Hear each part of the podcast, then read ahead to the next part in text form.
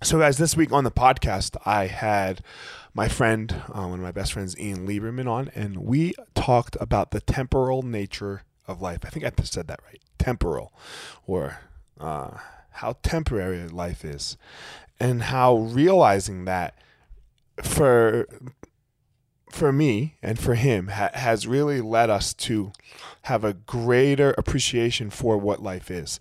Um, I, I, understand that it's going to go away and that I, I never get today again and, and all of that. So that makes me really do my very best in each and every day. But this wasn't an easy thing to come by. This wasn't, this is a learned thing. So you hear all these people, you know, like a lot of people talk about all these things like, you know, tough minds and be resilient and mind over matter and the present moment and all of that stuff. But how do you actually do it? Like, because it's learned. No, nobody just, uh, very few, let's say, are just born with the ability to be mentally strong. How do we do it? The, the first thing in my in my opinion is that you have to learn how to be in the present moment right? That that that is what shows us how temporary life is. Because literally we we, we have moment to moment. I, I am only living in now. And now uh, if I, as I look at my screen here we are one minute and 30 seconds in to this recording of the podcast I don't have a minute and 30 seconds ago. I only have this very second in this very moment. So how do we learn how to do that? What what are what is what are some steps we can take? Look, for me, I really practice one thing to be in the in the present moment. And that's I like to notice every time I get up. Okay? Every time that my ass leaves the grass or the chair, however you want to say it. And I really like to try to pay attention to that moment. It sounds really silly and it sounds really easy. It's not. I I challenge all of you this week. Message me if, if, if you can, if you remember, message me on Instagram if if you get more than five all week, noticing how many times you stand up, I'll be really surprised. Because what I'm saying by noticing when you stand up, not after, not the second after, and not the second before. Literally be like up, butt up, butt off the chair, I'm up. Like up, like like say it in your head, note it. Because what happens a lot is you'll be thinking about it. And You're like, okay, I'm going to get up to get a drink in, in like a minute. And when I get up to get a drink, I'm going to notice that I got up. And you miss it. you miss the moment. You you you you you're a second late.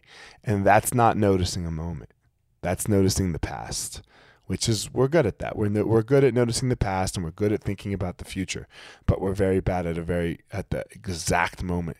So try it. Give it out. Give it a try for one week see if you can get more than five. My first week, I didn't get more than five in a single day. Now I've had a lot of practice at it, so I, I get more than ten. Um, but it's not easy. It take it's it's practice, and the reason that I say that we have to do this is that there's a lot of times when we do have to focus on a moment where we really have to be present. And then we fail at it and we get upset about at ourselves and we beat ourselves up by it. But why would you expect anything different? I don't understand why you'd expect it to be different because you have no practice at being in a moment.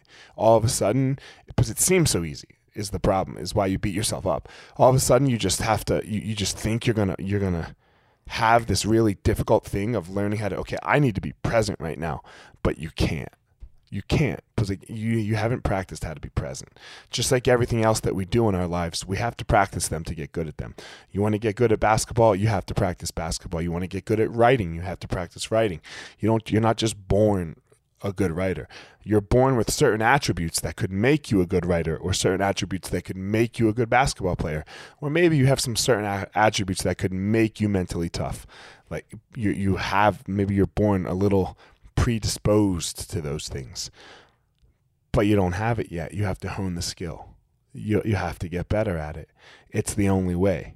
So, this is a way that we can start to practice being in a moment and really understanding what it is a moment looks like, not the second after and not the second before.